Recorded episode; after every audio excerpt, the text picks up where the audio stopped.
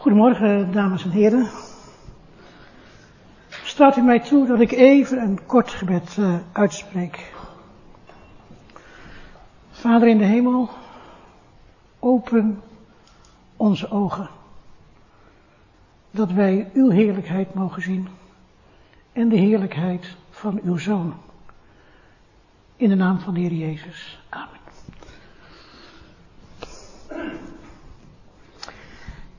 Weet je wel wat je leest?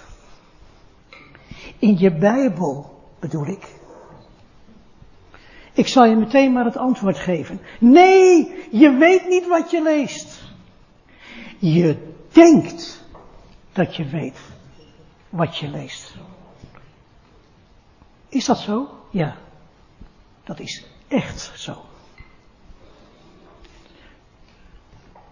Een boodschapper van de Heer zei tegen Filippus dat hij naar een eenzame weg moest gaan. De weg die afdaalt van Jeruzalem naar Gaza. En Filippus stond op en hij ging. En kijk, er was een Ethiopiër, een staatsman, de minister van Financiën van koningin Kandake. En deze Ethiopiër was naar Jeruzalem geweest om te aanbidden. En hij was op de terugweg. En hij las in zijn wagen gezeten de profeet Jezaja. En de geest zei tegen Filippus, treed toe, voeg je bij deze wagen. En Filippus liep er snel heen en hij hoorde de Ethiopiër de profeet Jezaja lezen. En Filippus zei tegen de Ethiopiër, weet je wel wat je leest? En de Ethiopiër antwoordde, hoe zou ik dat kunnen, als niet iemand mij de weg wijst? En hij verzocht Filippus in te stappen en naast hem te gaan zitten. Jij bent naar een christelijke bijeenkomst geweest om God te aanbidden. En nu ben je op de terugweg. In je wagen. En je bent op een eenzame weg. En je leest je Bijbel. En dan treed ik op je toe. En ik zeg tegen je, weet je wel wat je leest? Misschien vind je dat helemaal geen prettige vraag.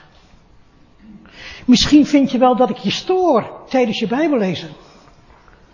Misschien zeg je wel tegen mij, waar bemoei je je mee? Ik weet toch wat ik lees? Als je dat tegen mij zegt, dan ga ik je weg. En jij rijdt dan in je wagen in volstrekte onwetendheid naar je huis. Je hebt dan wel je Bijbel bij je, maar je begrijpt er niks van. Maar als je tegen mij zegt, hoe zou ik dat kunnen? Als niet iemand mij de weg wijst. En je verzoekt mij om in te stappen en naast mij te komen zitten. Dan laat ik je zien dat je Bijbel een vertaling is van oude handschriften. Het Oude Testament is oorspronkelijk in het Hebreeuws en in het Aramees geschreven. In het Nieuwe Testament in het Grieks. Die Hebreeuwse en Griekse handschriften, dat is Gods woord. En je Bijbel is de vertaling van Gods woord. Begrijp je dat? Begrijp je dat? Ik zeg het nog een keer tegen je. Jouw Bijbel is niet Gods woord. Jouw Bijbel is een vertaling van Gods woord. Misschien ben je nu verrast. Misschien heb je dit nog nooit gehoord. Misschien moet je dit even verwerken.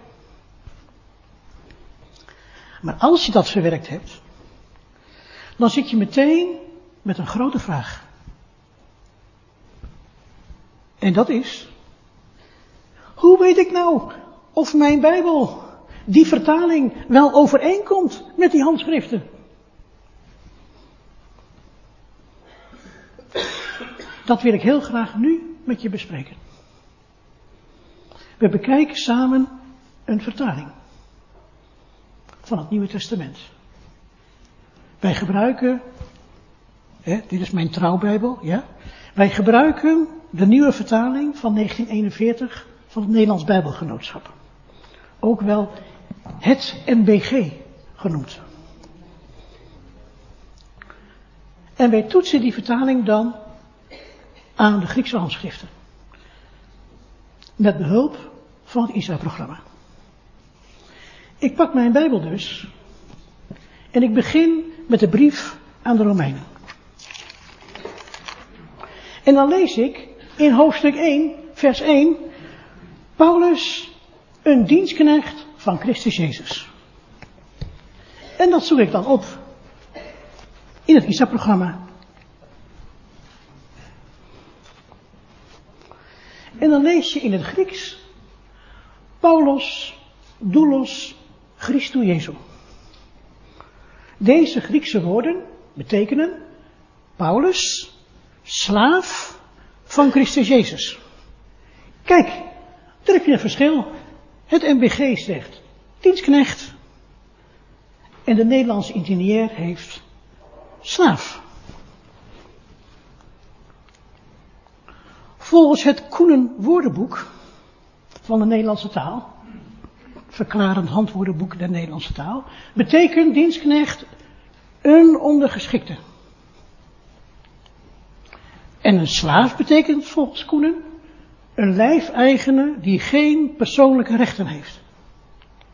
En wat is een lijfeigene? Volgens Koenen een persoon wiens lichaam het eigendom is van zijn heer.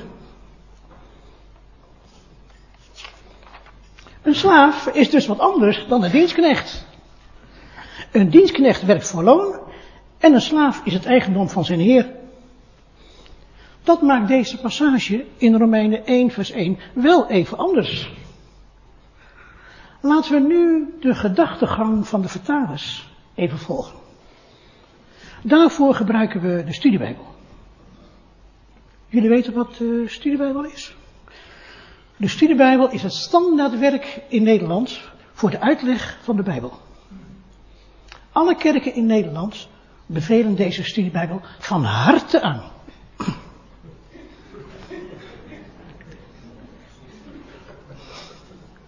En dan lezen we in deel 12, hè, deel 12, bladzijde 155. Het zelfstandig naamwoord mannelijk doulos betekent slaaf. En dan schrijft de studiebijbel even verderop. Een doulos, een slaaf, is het eigendom van zijn heer, verplicht tot gehoorzaamheid.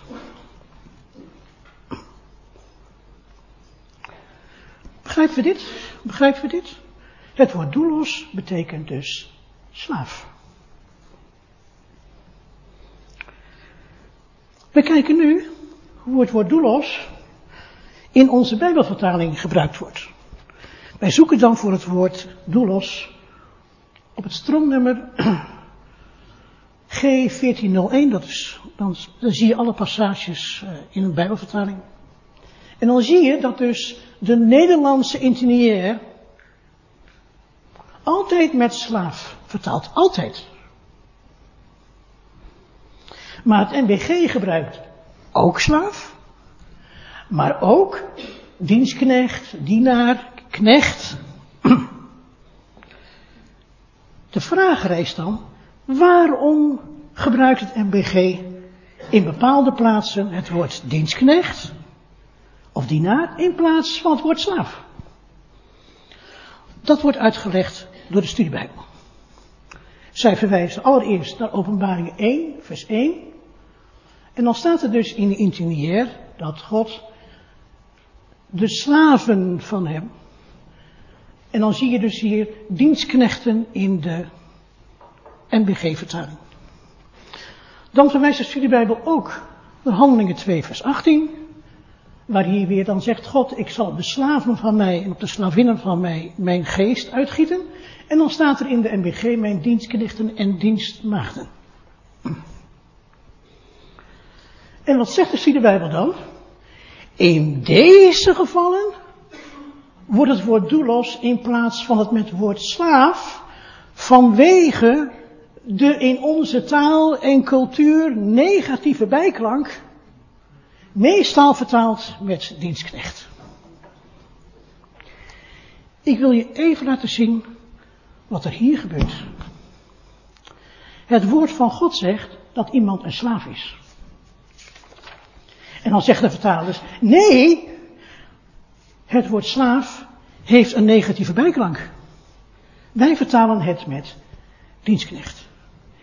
Hier wordt dus opzettelijk de betekenis van Gods woord veranderd.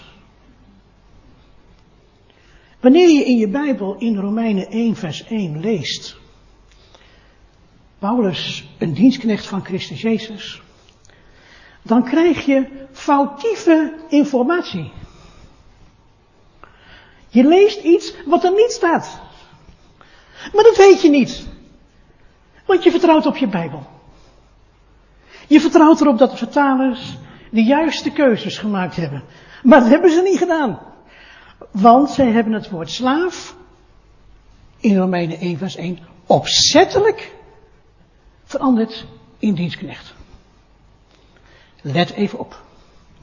Ik wil heel graag benadrukken dat de bedoelingen van onze vertalers heel nobel zijn.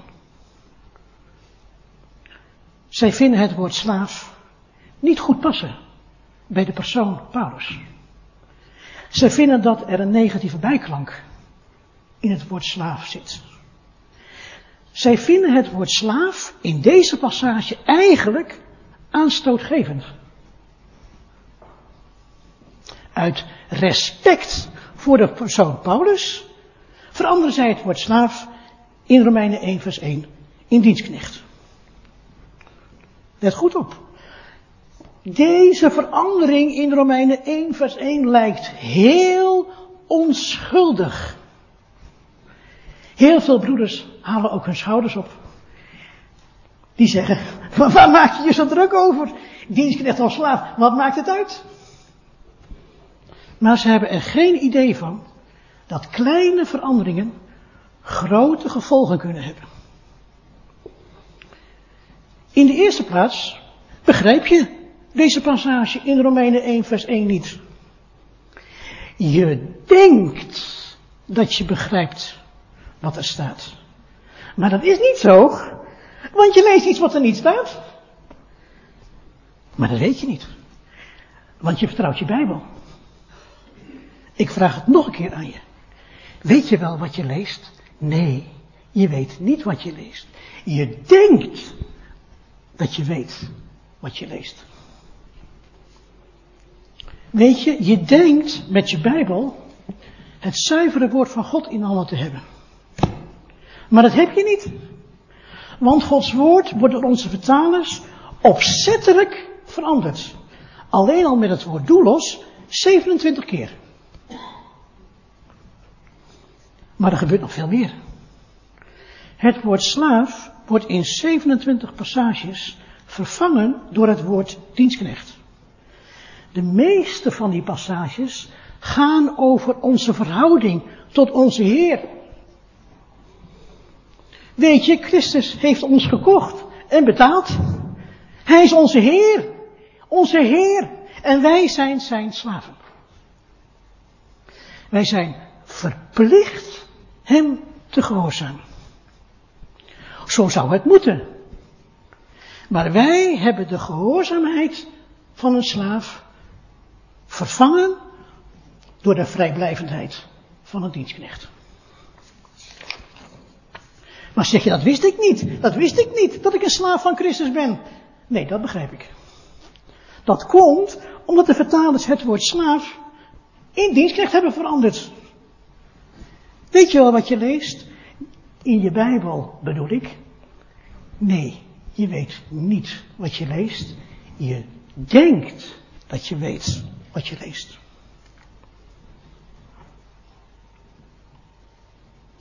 Ik wil je nu laten zien hoe een kleine verandering de werkelijke betekenis van een passage wegneemt. Ik lees met je Filippenzen 2, vers 6 en 7. Daar staat in vers 6 dat Christus in de gedaante van God was. En vers 7 zegt ons dat Christus de gedaante van een doelos, van een slaaf, in ontvangst neemt. Niet de gedaante van een dienstknecht, zoals in de vertaling staat. Nee, de gedaante van een slaaf. Christus was eerst in de gestalte Gods. En hij neemt vervolgens de gedaante van een slaaf in ontvangst. Een groter contrast is niet denkbaar.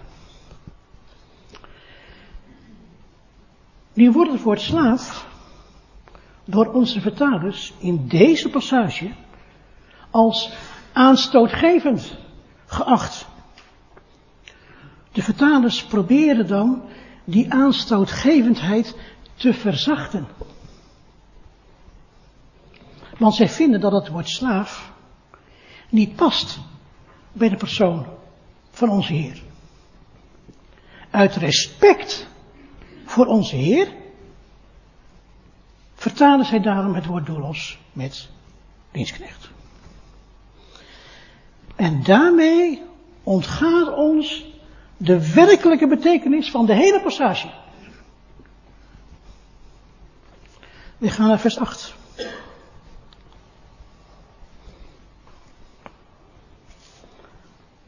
Christus vernedert zich en wordt gehoorzaam tot de dood. Ja, natuurlijk. Ja, natuurlijk. Want onze Heer is in de gedaante van een slaaf. En van een doelos, een slaaf, wordt onvoorwaardelijke gehoorzaamheid geëist. Zelfs tot de dood. Begrijp je? Een dienstknecht hoeft niet te gehoorzamen. Een dienstknecht kan zeggen, ik doe het niet. Zoek maar een ander. Ik zoek wel een andere baas. Maar een slaaf niet. Een slaaf is volkomen afhankelijk van zijn heer. Van een slaaf wordt absolute gehoorzaamheid verwacht. Christus is in de gestalte van een slaaf. Dus wordt hij ook gehoorzaam tot de dood. Dat onze Heer in de gedaante van een slaaf is, zien wij terug in de hof van Gethsemane. Onze Heer zondert zich af van zijn leerlingen en onze Heer wordt dodelijk beangst. En zijn zweet wordt als bloeddruppels die op de aarde vallen. Want onze Heer weet dat Hij de zonde van de wereld op zich gaat nemen. En onze Heer werpt zich ter aarde. En Hij bidt dat indien het mogelijk was, die uren aan hem voorbij gaat. En hij zegt, Abba, vader, alles is u mogelijk. Neem deze beker van mij weg. En dan voegt hij eraan toe, echter niet wat ik wil, maar wat u wilt. Dan gaat onze Heer terug naar zijn leerlingen.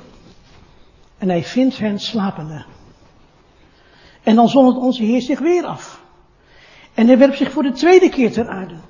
En hij bidt voor de, voor de tweede keer of die beker aan hem voorbij mag gaan. En hij voegt er voor de tweede keer aan toe, echter niet wat ik wil, maar wat u wilt. Dan gaat onze Heer weer terug naar zijn leerlingen. En hij vindt hen opnieuw slapende. En dan zondert onze Heer zich voor de derde keer af. Hij werpt zich voor de derde keer ter aarde. En hij bidt voor de derde keer dat de beker weggenomen zal worden. En voor de derde keer zegt hij, echter niet wat ik wil, maar wat u wil. In Gethsemane laat onze Heer zien dat hij de gehoorzame slaaf is. Niet zijn wil, maar de wil van zijn Heer geschiet. Waarom is onze Heer zo beangst? Waarom? Omdat hij weet dat zijn lot onontkoombaar is. Onze Heer heeft geen keus. Begrijpt u dat? Onze Heer heeft geen keus. Hij moet de zonde van de wereld op zich nemen. Waarom? Omdat zijn Heer dat wil. Daarom staat er in Filippenzen 2 vers 8 dat Christus gehoorzaam wordt tot de dood. Begrijp je? Begrijp je? Het gaat in Filippenzen 2 vers 6 tot 8 over de vernedering. Hij heeft zich vernederd en gehoorzaam. Over de vernedering en de gehoorzaamheid van Christus. Tot nu toe hebben we alleen gesproken over de gehoorzaamheid van Christus. Wat is dan zijn vernedering? Kijk, dat Christus mens is geworden, is geen vernedering. Mens zijn is geen vernedering. Want wij zijn gemaakt naar Gods beeld als zijn gelijkenis. Dat is geen vernedering. Dat Christus zonde van de wereld op zich neemt, is ook geen vernedering. Het is iets verschrikkelijks.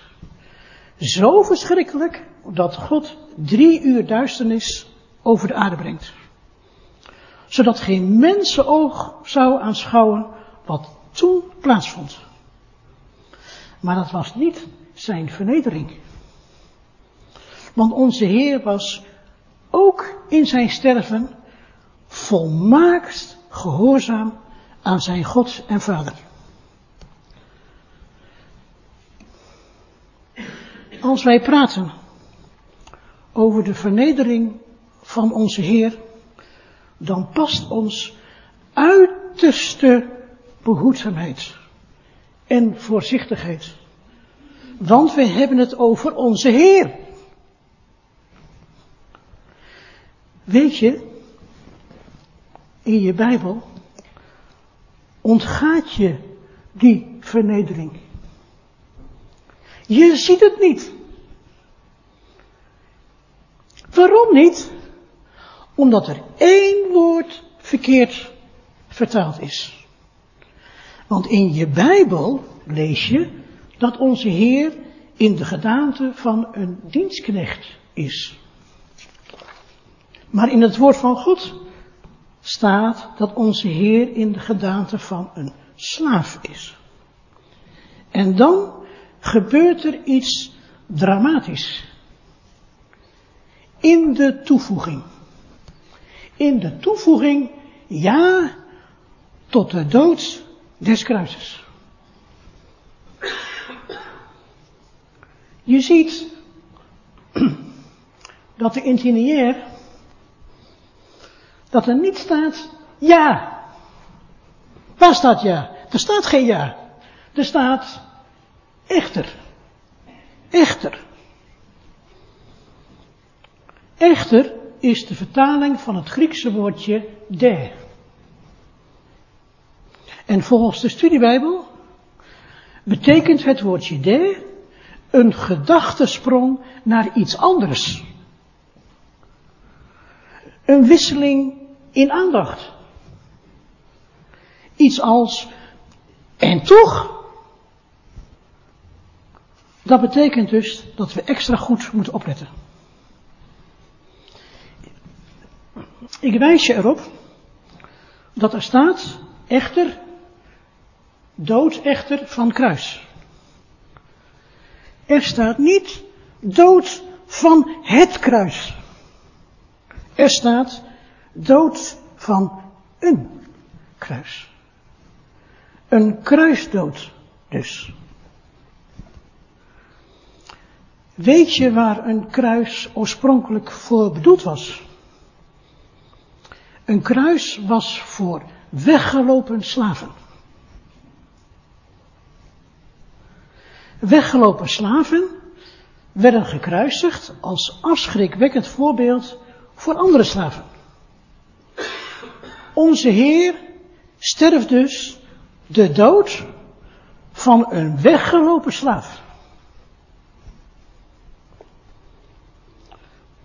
Ik wil graag dat je één ding begrijpt. Er is niemand die doet wat goed is. Ook niet één. Jawel, één. Onze Heer.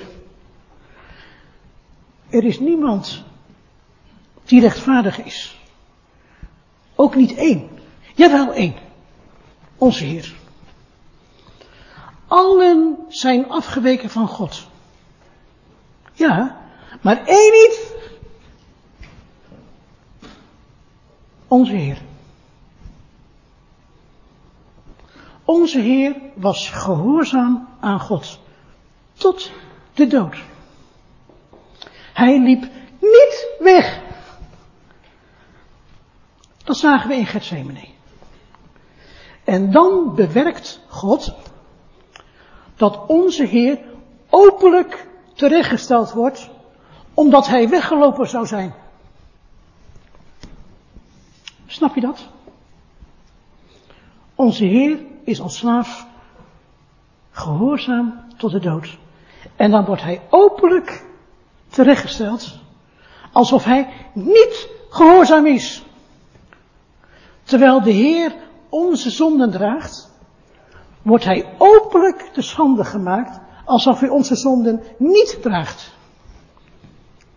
Dat is de schande van het kruis. Dat is de bittere vernedering voor onze Heer.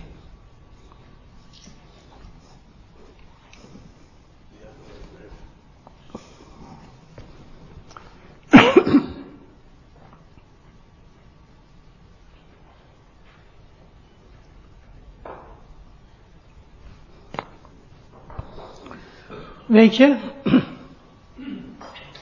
wij, wij moeten eigenlijk aan een kruis hangen.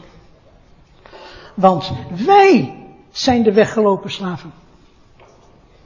Gods woord zegt, wij allen dwaalden als schapen. Wij wenden ons ieder naar zijn eigen weg. Maar de Heere heeft ons aller ongerechtigheid op hem doen neerkomen. Hij werd mishandeld en vernederd, maar hij deed zijn mond niet open. Als een lam dat ter slachting geleid wordt en als een schaap die stom is voor zijn scheerders, zo deed hij zijn mond niet open. Goed begrijpen. Onze Heer werd ten onrechte gekruisigd. Ten onrechte.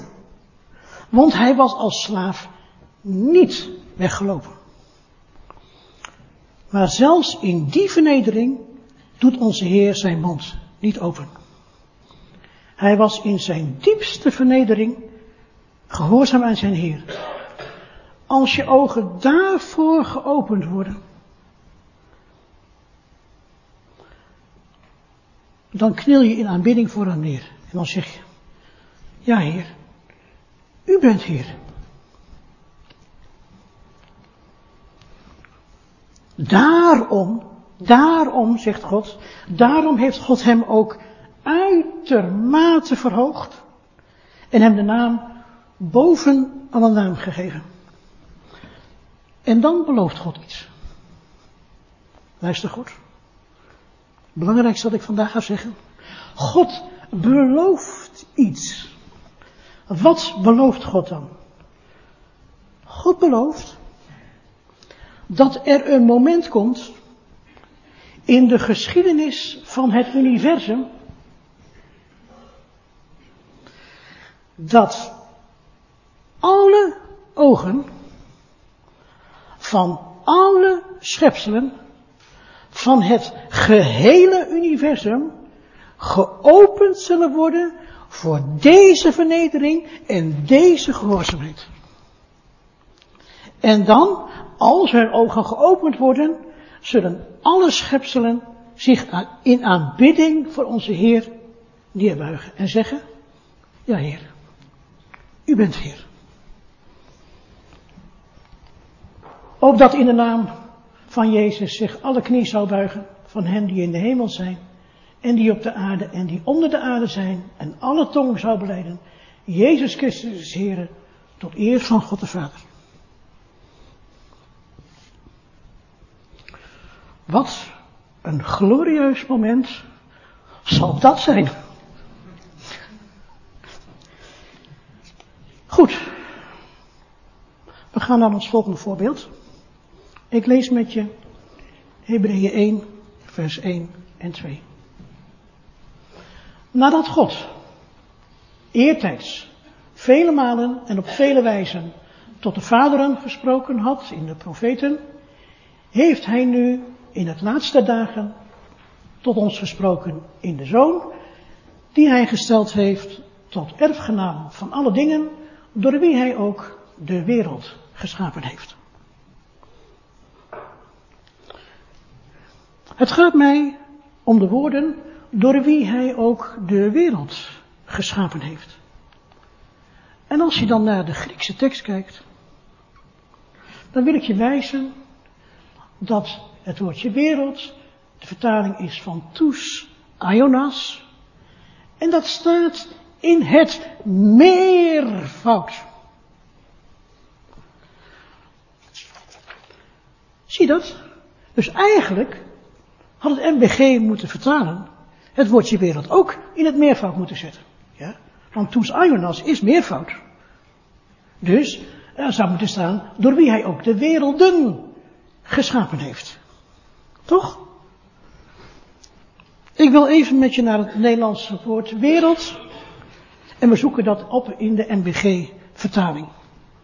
En dan zie je dat dus de NBG-vertaling, dat is de derde kolom, het woordje wereld, dan zie je dat er dus vier verschillende Griekse woorden gebruikt worden. Oikoumene, aion, anthropos en kosmos. En je ziet dan dat voor oikoumene, dat betekent de bewoonde wereld. He, oikumene, oikoumene, de bewoonde wereld. En anthropos is mens. Deze woorden hebben dus een eigen betekenis. Dat betekent, die woorden betekenen dus niet wereld, want oikoumene is de bewoonde wereld en anthropos is mens. Haal je dus over aion en kosmos. Kijken we dan nu naar het woordje kosmos. En dan zie je dat het woordje kosmos betekent wereld. de bovenste regel 153 keer kosmos, 153 keer wereld. Nog een paar uh, dingetjes, ja, één keer sieraad. Waarin je dus kunt zien dat de wereld dus een sieraad is, hè? maar dat is even terzijde. Maar, ja, maar het woordje kosmos betekent dus wereld. Zonder twijfel. Dus aion weergeven met wereld is onjuist. Want kosmos is wereld. Deze twee Griekse woorden moet je niet met elkaar verwarren. Dat noem je dus eenduidigheid in het vertalen. Maar wat is dan aion? Wat zegt de studiebijbel eigenlijk over aion? De studiebijbel geeft voor het woord aion de volgende uitleg. In deel 11, op bladzijde 94, en ik lees het even voor. In de eerste plaats is aion eeuwigheid. In deze zin kan het woord zowel betrekking hebben op het verleden als op de toekomst. Let op, let op. Zowel daar waar het verleden geen duidelijk zichtbaar begin heeft, als daar waar de toekomst zich zo ver uitstrekt, buiten het menselijk gezichtsveld, dat er geen einde aan lijkt te komen, spreekt men van eeuwigheid. Let in de definitie van de studiebijbel, onderschreven en van harte aanbevolen door alle kerken.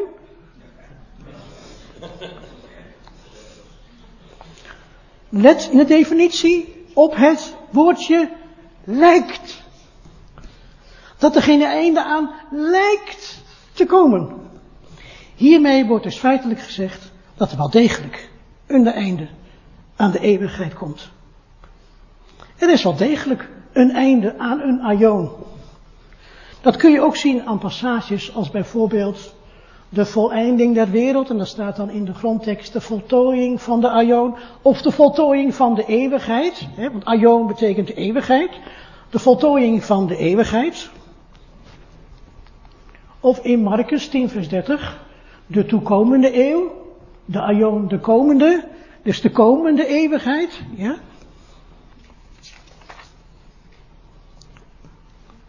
Even denken, even denken. De studiebijbel zegt dat er aan de eeuwigheid geen einde lijkt te komen. De studiebijbel zegt feitelijk dat eeuwigheid een einde heeft. Maar dat is niet de Nederlandse definitie van eeuwigheid. Want de Nederlandse definitie van Koenen, van eeuwigheid, is. Kun je het zien? Kun je het zien? Je het zien? Kunt u het zien? Als lees ik het voor. Eeuwigheid betekent duur zonder aanvang of einde. Merkwaardig. We kunnen nu een paar dingen vaststellen. De definitie van het woordenboek Koenen, hè, duur zonder aanvang of einde, past niet op de definitie van de studiebijbel. Zie je dat? Nederlands, hè? We hebben het niet over het Engels, we hebben het over het Nederlands. Koenen zegt, duur zonder aanvang of einde. Dat is de definitie van eeuwigheid. Maar de studiebijbel zegt, nee, alsof er geen einde aan lijkt te komen.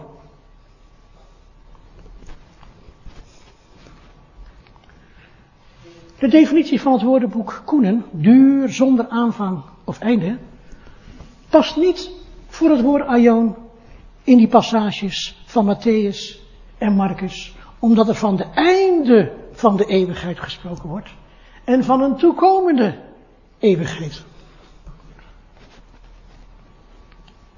Conclusie.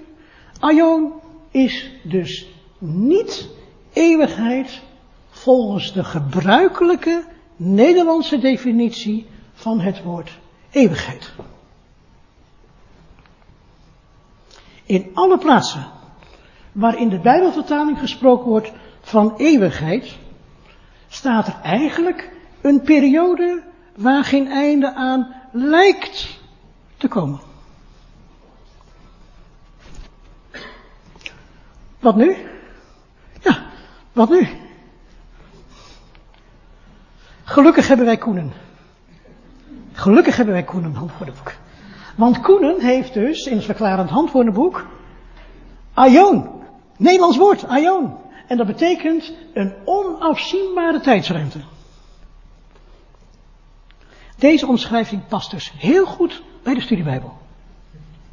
Mee eens? Heel mee eens, ja?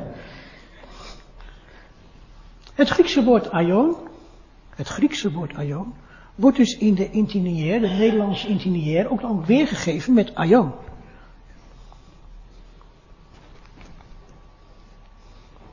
Nu gaan we terug naar Hebreeën 1 vers 2. En de tekst in 1 Hebreeën 1 vers 2 luidt dus eigenlijk, door wie hij ook de Ionen maakt. Zie je dat? In je Bijbel staat wereld.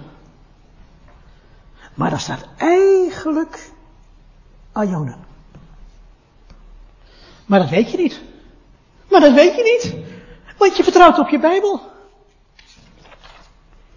Ik vraag het nog een keer aan je. Weet je wel wat je leest? Nee, je weet niet wat je leest.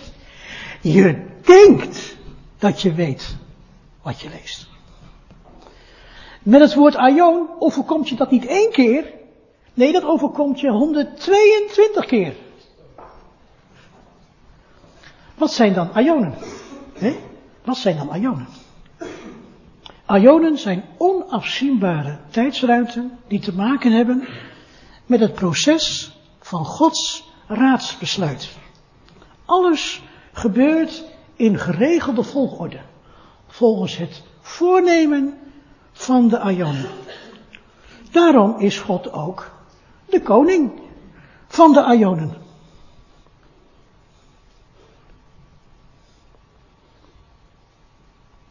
Ik wil nu even met je evalueren. Aion is dus niet eeuwigheid. Eeuwigheid bestaat niet in Gods woord. Eeuwigheid bestaat niet. Het woord, God, het woord van God spreekt over aionen, over onafzienbare tijdsruimte. Begrijp me goed, begrijp me goed. Ik wil hier opnieuw benadrukken dat de bedoelingen van onze vertalers heel nobel zijn. Want de vertalers vinden dat eeuwigheid bij God hoort. Misschien vind jij dat ook. Maar God zelf denkt daar heel anders over. God vindt dat Ajonen bij hem horen. God zegt van zichzelf dat hij de koning van de Ajonen is.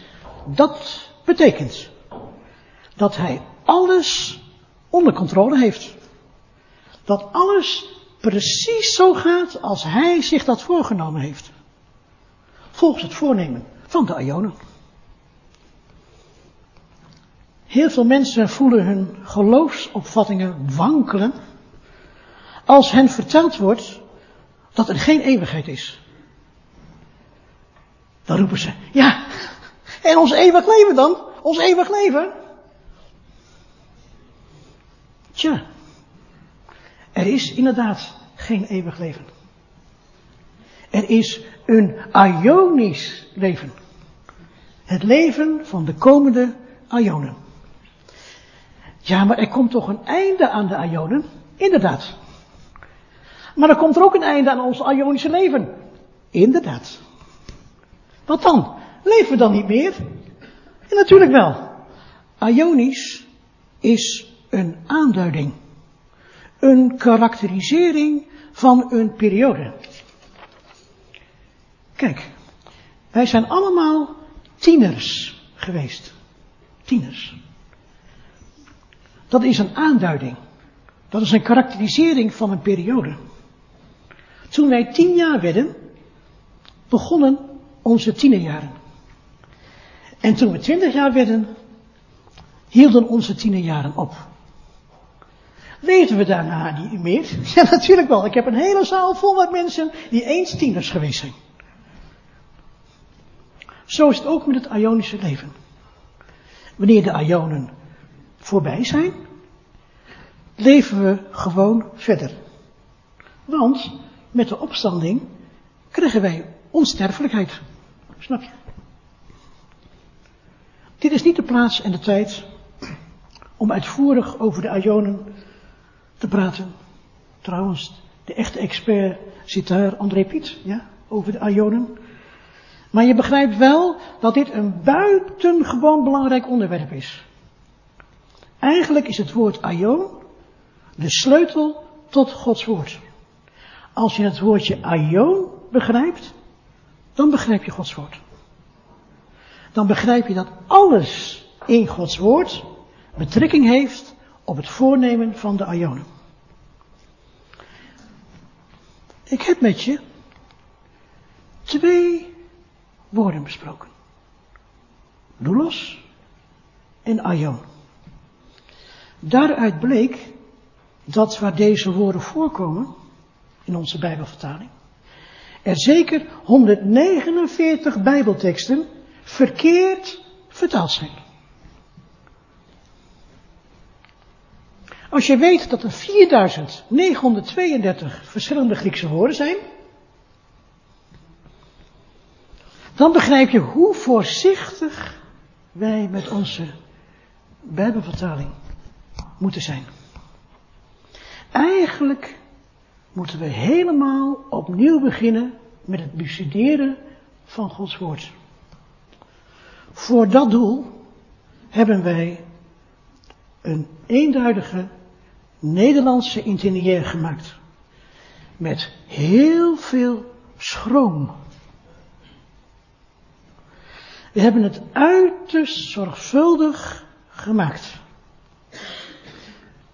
Maar misschien heb je toch nog suggesties. Die horen we dan graag. Weet je wel wat je leest? In je Bijbel bedoel ik. Je weet nou het antwoord. Nee, je weet niet wat je leest. Je denkt dat je weet wat je leest. Jouw Bijbel is niet Gods woord. Jouw Bijbel is een vertaling van Gods woord. Wees niet tevreden met je Bijbel. Wees niet tevreden met je Bijbel. Maar bestudeer Gods woord. Met behulp van de eenduidige Nederlandse intinier. Misschien ontdek je wel dat sommige van je geloofsopvattingen niet waar zijn. Misschien zeg je dan wel, wat houd ik dan over? Ja, jouw geloofsopvattingen kunnen verdwijnen. Maar je krijgt er Gods woord voor terug. Een stem zegt, roep. En ik zeg, wat zal ik roepen? Alle vlees is als gras. En al zijn heerlijkheid als een bloem in het gras. Het gras verdort. En de bloem valt af.